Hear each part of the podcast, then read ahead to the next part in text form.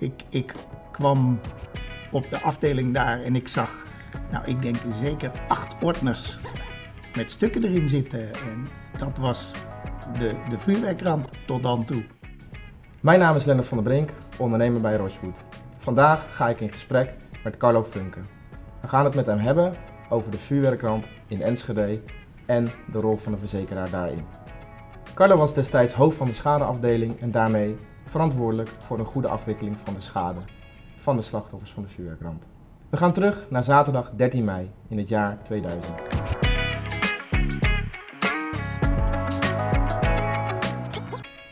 Wat nog begon als een prachtige zonnige dag in Enschede, sloeg plots om in een verwoestend slagveld. Een dag gegrift in het collectieve geheugen van Nederland. Omstreeks 14.45 uur ontvangt de brandweer in Enschede een melding van een brand op het complex van SA Fireworks, een vuurwerkopslagbedrijf. In het half uur dat volgt komen er meerdere 112-meldingen binnen van vuurwerk en kleine brandjes in de omgeving, ontstaan vanwege neerdalend vuurwerk. Rond 15.20 uur lijkt de brand bij SA Fireworks onder controle en wordt het zijn brandmeester gegeven.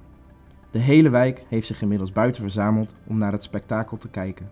De straten staan vol. Rond 15.34 uur begint het vuur weer snel op te spelen en slaat noodlot alsnog toe. Er volgen in korte tijd twee gigantische explosies die de halve wijk wegvagen en Enschede voor even wereldnieuws maken. De vuurwerkramp kostte 23 mensen het leven, waaronder vier brandweermannen. 947 mensen raakten gewond, van wie een aantal zeer ernstig. 200 woningen werden verwoest. Enorm, onherstelbaar leed, waarbij er vandaag de dag nog steeds veel mensen de ramp met zich mee moeten dragen. Er zijn sindsdien eindeloos debatten gevoerd, rapporten verschenen en onderzoeken gedaan. Hoe heeft het ooit zo ver kunnen komen? Waarom stond er een vuurwerkopslag midden in een woonwijk? Hoe kwam SA Fireworks aan milieuvergunningen? En waren deze vergunningen in orde? En was er toezicht? Dit is slechts een beperkt deel van de vragen die speelden en soms nog steeds spelen. De totale materiële schade is destijds geschat op 454 miljoen euro. Omgerekend met inflatie naar vandaag zou dat ongeveer 1 miljard euro betekenen. Dit immense schadebedrag staat nog los van alle immateriële schade die is geleden. Allemaal verzekerd zou je denken. Maar is dat eigenlijk wel zo? Hoe werkt zoiets eigenlijk? En hoe wordt zo'n gigantische ramp beleefd vanuit de verzekeraar?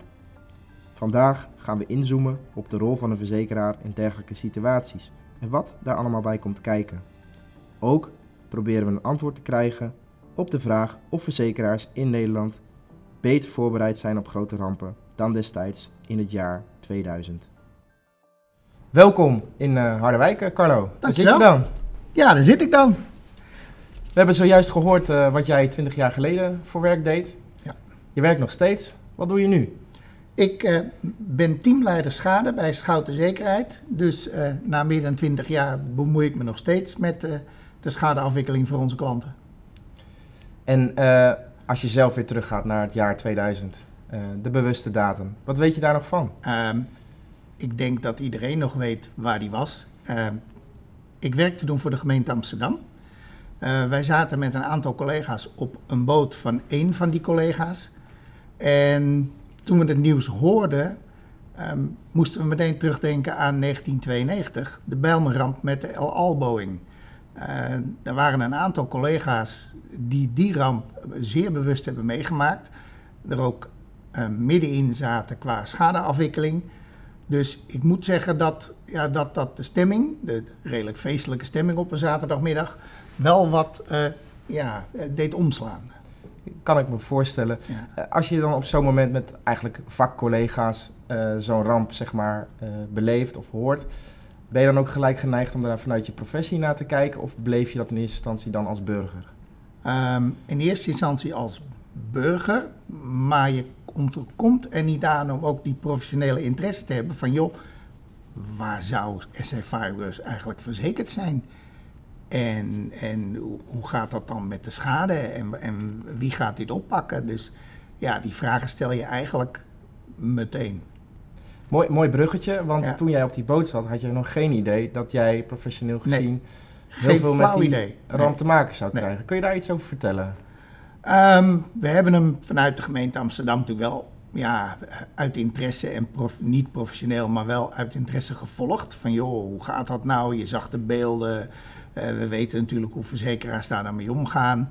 Ehm, en in, ehm, in november 2000 ben ik vertrokken bij eh, de gemeente Amsterdam en ben ik gaan werken bij juist die verzekeraar die de aansprakelijkheid van SC Fireworks eh, verzekerd had. En toen ze me daar vroegen om hoofd van de aansprakelijkheidsafdeling te worden, kreeg ik al zo'n donkerbruin vermoeden dat dat dossier op me lag te wachten. En dat was ook zo. Ik, ik kwam op de afdeling daar en ik zag, nou ik denk zeker acht ordners met stukken erin zitten. En dat was de, de vuurwerkramp tot dan toe. Zag je dat toen als een eh, mooie uitdaging of had je toen ook al wel wat kopzorgen? Ja, ehm, als, als schadebehandelaar, zeker als je een paar jaar in het vak zit, ik noem het altijd een beetje, je bent, je bent een beetje vakgedeformeerd. Je, je, je vindt een grote ramp een interessante schade. Maar je ziet natuurlijk ook wel de ellende die die ramp heeft veroorzaakt. Dus je moet wel op een bepaalde manier ja, met de slachtoffers, met de ramp, met de hele zaak omgaan. En dan heb je ook nog de belangen van je klant die je moet dienen. Mhm.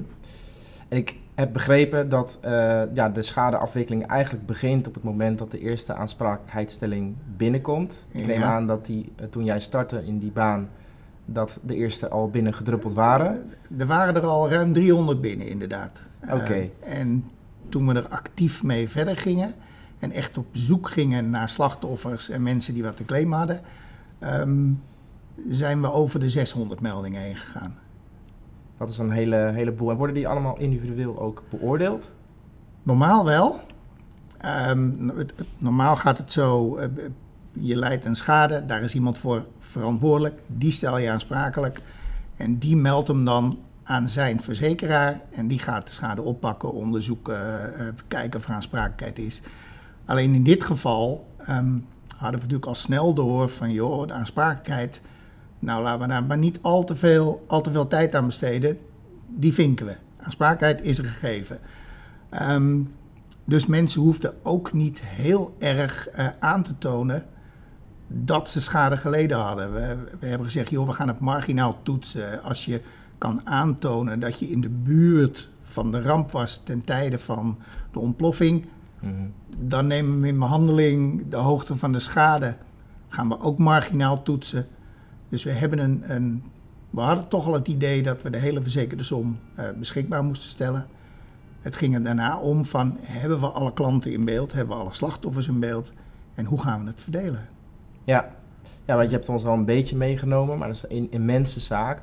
Hoe pak je dat als team aan en wat waren daarin voor jou eh, hele grote uitdagingen? Ehm, ook voor ons, als, als ervaren schadebehandelaren, is, is dit geen alledaagse zaak. We waren echt wel wat gewend, maar ook voor ons was dit redelijk bijzonder. Dus we hebben een plan van aanpak gemaakt met een team van ervaren behandelaren. We hebben daar een extern expertisebureau bij aangehaakt en een advocatenkantoor. En de uitdaging zat hem vooral in dat je, dat je meteen te maken had met heel veel belangenbehartigers. Ehm, bijvoorbeeld advocaten die eh, beslag lieten leggen op de eventuele uitkering. Ehm, ja, dat, dat, dat gebeurt niet in alle claims. Dat, dat is wel redelijk bijzonder voor deze, voor deze zaak. Ja, hey, en in heel veel eh, van dit soort gevallen, zeg maar verzekeringen, is er sprake van een beperkte verzekerde som. Ja.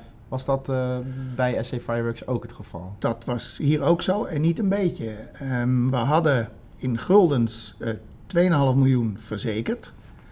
Ehm, nou ja, in euro's is dat 1,2 miljoen. Daar kwam wat rente bij. Dus we hadden grofweg 1,5 miljoen euro te verdelen. En ik hoorde je net zeggen dat, eh, dat de totale geschatte schade 454 miljoen is. Ja, dan wordt het een hele moeilijke rekensom om iedereen ja, schadeloos te stellen.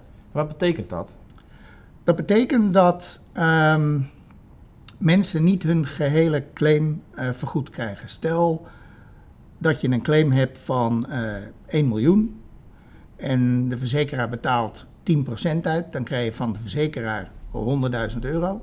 Maar voor die 900.000 zul je dan uh, moeten wenden tot degene die de schade veroorzaakt heeft. In dit geval SF Fireworks. Dat was natuurlijk ook een probleem, want er was geen bedrijf meer. En al was het bedrijf er nog wel, die konden die schade ook niet dragen. Er waren dan zeg maar naast uh, uh, ja, burgers die uh, schade hadden geleden ook grote partijen betrokken die ja. een claim hadden ingediend? Ja, absoluut. En heel grote bedrijven, bijvoorbeeld de Grolsfabrieken, mm -hmm. maar ook veel andere bedrijven. Maar, maar dat is niet zo erg. Ja, het is allemaal erg, maar dat niet, want de eigen verzekeraar pakt dan die schade op. Mm Ook mensen die hun huis verloren zijn, als het verzekerd is, pakt de eigen opstal of inboedelverzekeraar het op, de autoverzekeraar. Het probleem wordt pas nijpend als je het inderdaad over personenschade hebt, letselschade. Dan hebben we een, uh, dan hebben we een issue, want daar, kun je, daar heb je niet een eigen verzekeraar voor die de eerste schade oppakt. Mag je dan als verzekeraar ook zeg maar prioriteren? Dat je zeg maar de ene schade zwaarwegender beoordeelt dan de andere? Niet uit eigen beweging. Mm -hmm da, daar moet je voor contact zoeken met alle schadeleidende partijen. En dat hebben we ook gedaan. We hebben gezegd, joh, wat nou als we, als we gaan segmenteren op particulieren? En dan daarbovenop nog letselschade van particulieren. Dat betekent dat we verzekeraars die hun uitkering al gedaan hadden aan hun klanten en zich ook mogen wenden tot de aansprakelijkheidsverzekeraar, gevraagd hebben: joh, willen jullie een stapje terug doen? We hebben de Staten Nederlanden aangeschreven. Willen jullie een stapje terug doen? De gemeente Enschede. Willen jullie een stapje terug doen? Zodat we in ieder geval zoveel mogelijk geld overhielden om letselschade-slachtoffers te helpen. Ik begrijp dat die partijen uiteindelijk dat stapje terug ook daadwerkelijk hebben gedaan. Ja. Verzekeraars hebben zich eigenlijk niet eens gemeld bij ons, omdat die ja, het klappen van de zweep kennen en wel wisten dat er ja, eigenlijk niks te halen valt. Hey, en de zaak heeft natuurlijk enorm veel media-aandacht gekregen, krijgt het nog steeds. Ik heb begrepen dat er weer een hele podcastserie uitkomt over de ramp. Ja. Dus we zijn er niet de enige. Um, heb je daar dan last van in, in, in zo'n proces? Ja, best wel. Um, en vooral de verhalen over wat nou de oorzaak was en wie ervoor verantwoordelijk was. En dat, ja, al die, die gegevens, daar moet je wat mee. We, hadden voor onszelf al besloten, joh, maakt niet uit wat de oorzaak is, ook komt die nooit boven water. We stellen gewoon onze verzekerdes onbeschikbaar. Maar ik kan me voorstellen dat het voor allerlei mensen eromheen lastig is om ja, de echte feiten van, hoe heet het tegenwoordig, alternatieve feiten te kunnen scheiden. Um, we hadden wel het geluk natuurlijk dat de social media nog niet zo sterk vertegenwoordigd was als nu. Ik, ik kan me voorstellen dat het nu echt een enorme mediastorm gaat worden. Eh, waar je dan wel tegen moet kunnen. Ja, ja, en dat is niet per se dan in het belang van, de, van zeg maar een goede schadeafwikkeling. Nee, en ook niet in het belang van de slachtoffers. Eh, het zijn meestal mensen die er een mening over hebben die er niet zo heel veel direct mee te maken hebben. Ja, hey, en uh, met zeg maar de ramp en ook de verhalen in de media komen natuurlijk enorm schijnende verhalen naar voren. Ja. Uh, enorm veel leed, emotioneel leed. Is het moeilijk om als professional daar um, ja, toch zeg maar een soort van buiten te blijven, omdat het waarschijnlijk dan je werk beïnvloedt? Dat doet het, maar ja, eh, ik kan dat redelijk scheiden. Ik moet zeggen, ik kan daar redelijk goed professioneel mee omgaan. Je, je maakt natuurlijk heel veel schrijnende gevallen mee. Uh, ook in, in andere letselzaken is het verhaal soms heel schrijnend en het leed heel groot. Um, daar kan ik me redelijk voor afsluiten en ik denk ook de meeste collega's met mij. Um, het wordt voor mij pas moeilijk eh, sinds ik vader ben als er kinderen bij betrokken zijn. Dan, dan moet ik echt even een stapje terug doen en even afschakelen. En is dat dan iets waar je dan mee om leert gaan? Ja, dat denk ik wel. En helaas maak je dat dan ook vaker mee. Ja, ja, eh, als je in dit vak zit, maak je hele eh, verschrikkelijke zaken mee. Die je dan redelijk klinisch moet gaan beoordelen op wat kost dat? Mm En hoe gaan we het oplossen? Ja. Hey, waren daarnaast zeg maar, de media-aandacht uh, en de eerder benoemde zaken nog andere factoren die de afwikkeling zeg maar, uh, moeilijk maakten? Um, nou ja, zoals ik vertelde, we, we hadden een beperkte verzekerde som. Dus we wisten niet eh, hoeveel mensen er nog waren die nog geen claim hadden ingediend. Mhm. En ik kan pas verder met die zaak als ik al degenen heb die een claim willen indienen, alle slachtoffers die gemeld hebben en ik de schade in beeld heb. En we waren er eigenlijk van overtuigd dat we dat nog niet goed wisten. Dus we zijn er echt actief naar op zoek gegaan. En hadden de, de, zeg maar de eh claimanten, zo noem je dat volgens mij, eh, eh, nou, In zo vaktermen wel, in ja. vaktermen. Ja, Hadden die zich ook verenigd of waren het echt, zeg maar, nou wat heb je genoemd, 600 eh, en nog wat aparte ja, partijen die een claim Ja, indienden? er waren een paar belangenbehartigers die, die kennelijk hadden gezegd van... joh, als je wat te claimen hebt, kom bij mij.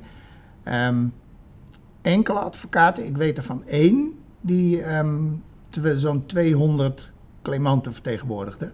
Maar in principe ja, moest iedereen voor zich eh, zich melden bij, bij ons.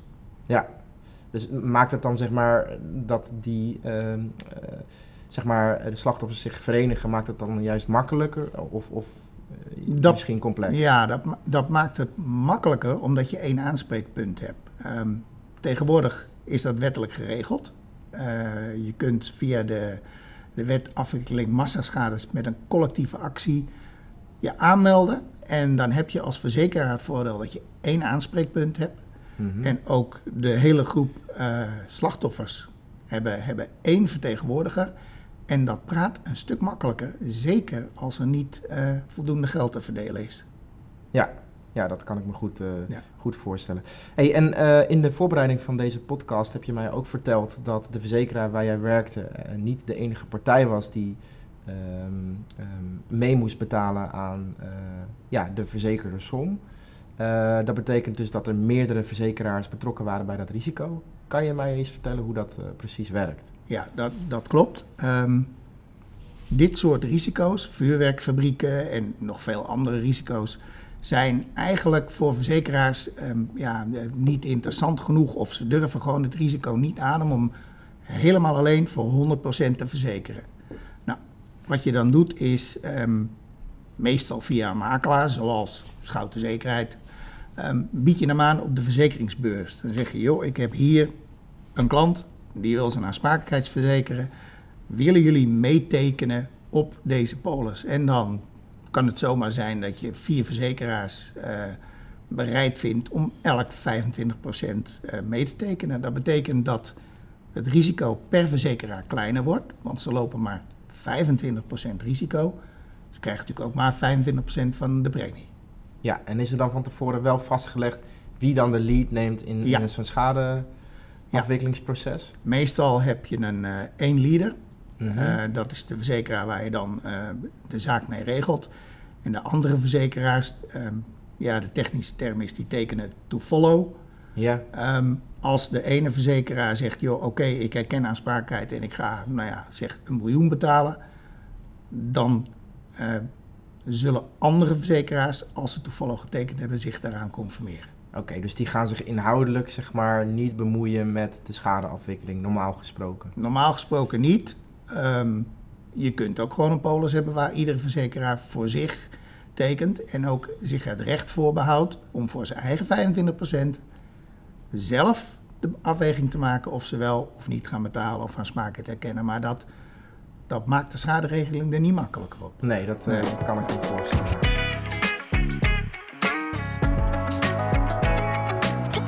Eh, we waren er eigenlijk al een beetje bij beland, maar het is een mooie, denk ik, overgang naar onze rubriek waardevol Ja. of waardeloos. Eh, bij waardevol gaan we in op zaken die, naar jouw mening, heel goed zijn gegaan in dit proces. Nou, wat er met waardeloos wordt bedoeld, eh, dat, eh, dat lijkt me ook duidelijk. Ja. lijkt me dan vrij Ja. duidelijk. Ehm, nou, laten we bij het positieve beginnen. Welke zaken zijn er in het schadeafhandelingsproces volgens jou destijds heel goed gegaan? Ehm, het feit dat wij ehm, grote partijen bereid hebben gevonden om een claim te laten vallen en die ten goede laten komen aan de particuliere letselslachtoffer die, die, met zijn schade blijft zitten, dat vind ik goed gegaan. Dat vind ik ehm, ehm, de medewerking die we gekregen hebben van grote verzekeraars en de staat en de gemeente Enschede, ja, dat is mooi. Ehm, dat heeft de particuliere slachtoffers wel geholpen. En dat is niet gebruikelijk, maar het is wel gelukt. eh, ja. En, en helpt dat dan misschien ook dat het zo'n grote eh, Ja, ramp is waar iedereen Weet je, het- iets bij voelt Nee, ook? nie- ja, en ook, ook, om maar een beetje cynisch te zeggen, nie- niemand wil ehm, een, een mediarisico lopen om te zeggen, ja, deze, deze claimant ligt dwars en Ja. de gemeente wil zijn geld, maar er zitten twee letselsla- letselschadeslachtoffers die niks krijgen. Nee, nee, dat begrijp ik. Dat, Dat wil je niet. dat wil je niet, eh, die naam wil je niet krijgen. Nee, nee, dat begrijp ik Ja. eh, goed.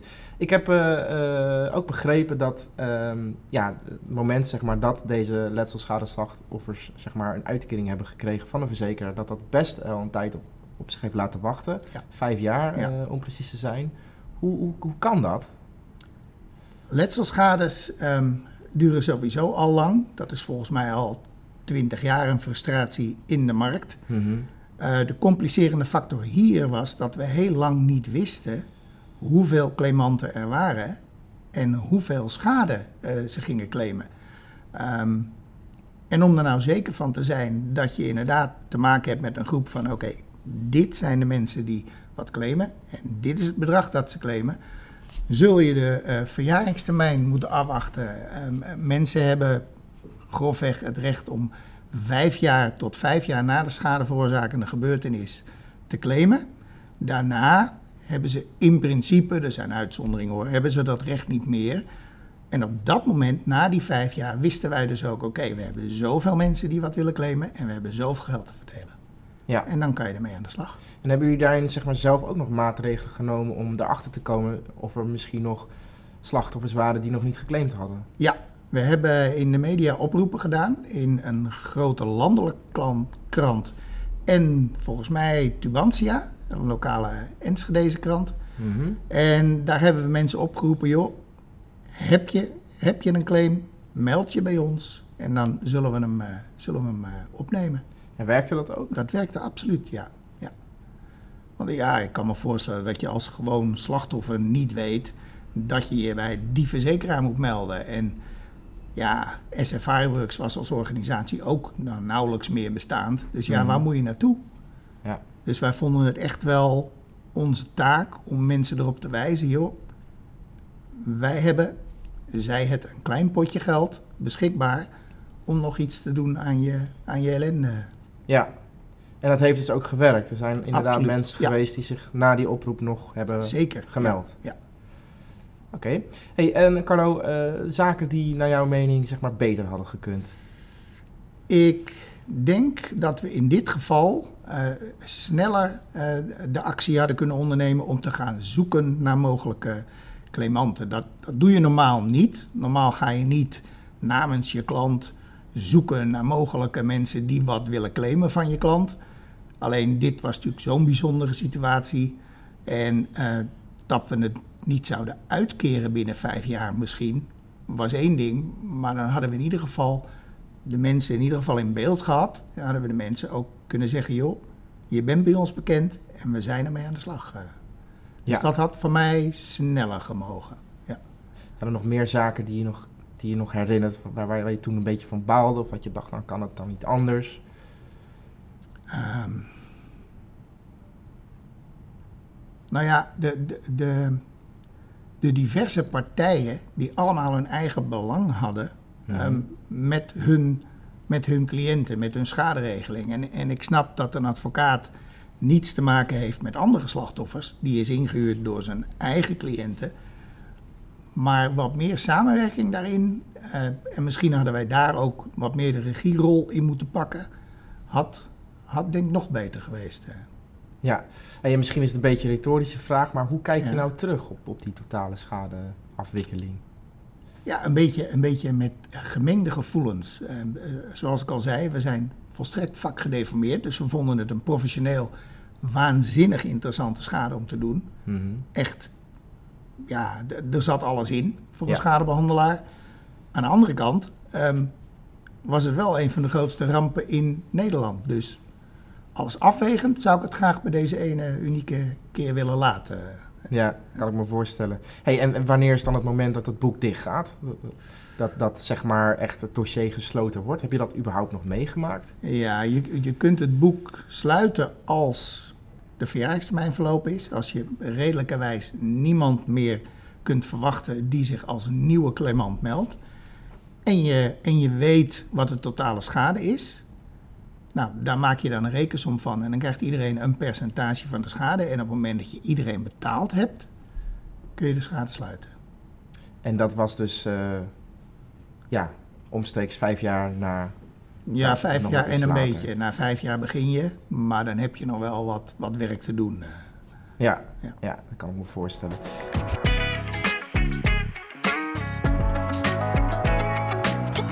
Hey, uh, mooi bruggetje misschien naar uh, de, de, de volgende rubriek. En dat is de, de toekomstwaarde. Ja. Waarin we ook gaan kijken van nou, wat zijn nou dingen die misschien vandaag de dag of in de toekomst uh, anders zijn geworden of anders zouden kunnen worden. Ja.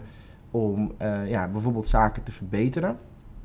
Dan kunnen we in dit optiek natuurlijk goed kijken naar nationale grote rampen. Heb jij het gevoel dat er uh, op dit moment uh, in deze tijdsgeest anders om zou worden gegaan met een dergelijke ramp dan nou, inmiddels ruim 20 jaar geleden? Um, ik, ik denk dat, dat de coördinatie en samenwerking uh, tussen verzekeraars via het verbond, maar ook de expertisebureaus, de hulpdiensten, wel iets, iets beter zal zijn. En, en zeker ook de, de rol van het verbond, die die namens alle verzekeraars eh, data verzamelt. Om, te, om gauw in kaart te brengen hoe groot die ramp nu is. Weet je, waar hebben we het over? Wat is het voor schade?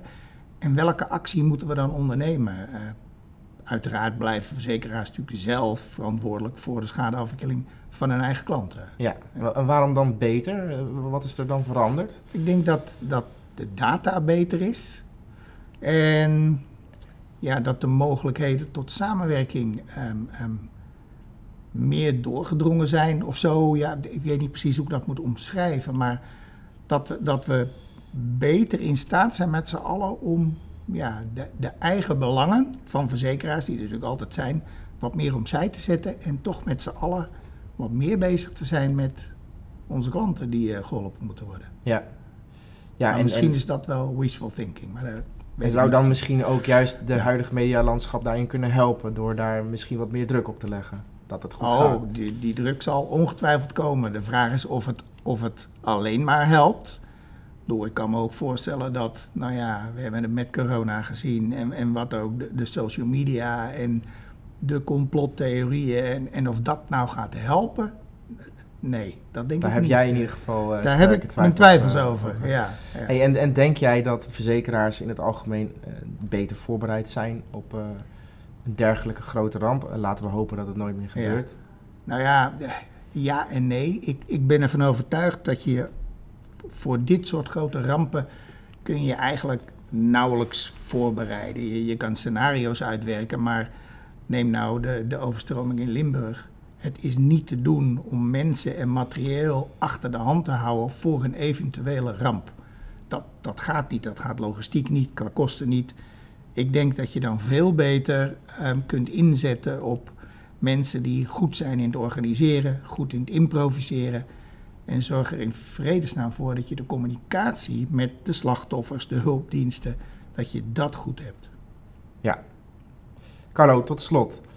Uh, zijn er vandaag zaken onbesproken gebleven, dingen die nog in jouw hoofd zitten, zeggen, nou daar wil ik eigenlijk nog wel iets over zeggen in zaken het onderwerp wat we vandaag hebben besproken? Ja, ik heb, ik heb in die tijd um, redelijk wat, wat gesproken met uh, mensen van SF Firework zelf, de directie mm -hmm. en de medewerkers. En ja, ik moet er zelf niet aan denken dat je bij zo'n bedrijf werkt en denkt, joh, had, had ik iets kunnen doen om dit te voorkomen? Of is het mijn schuld? Je, je zag bij de directie heel sterk het feit van ja, nee, wij kunnen hier niks aan doen. En of dat dan zelfbescherming is of niet, dat weet ik niet. Maar ja, om een lans voor al deze mensen van, van SF Fireworks te breken, misschien dat we soms iets te weinig nadenken over wat het met de mensen doet, die, die met een soort knagend gevoel in hun achterhoofd moeten leven. Joh, had ik iets kunnen doen?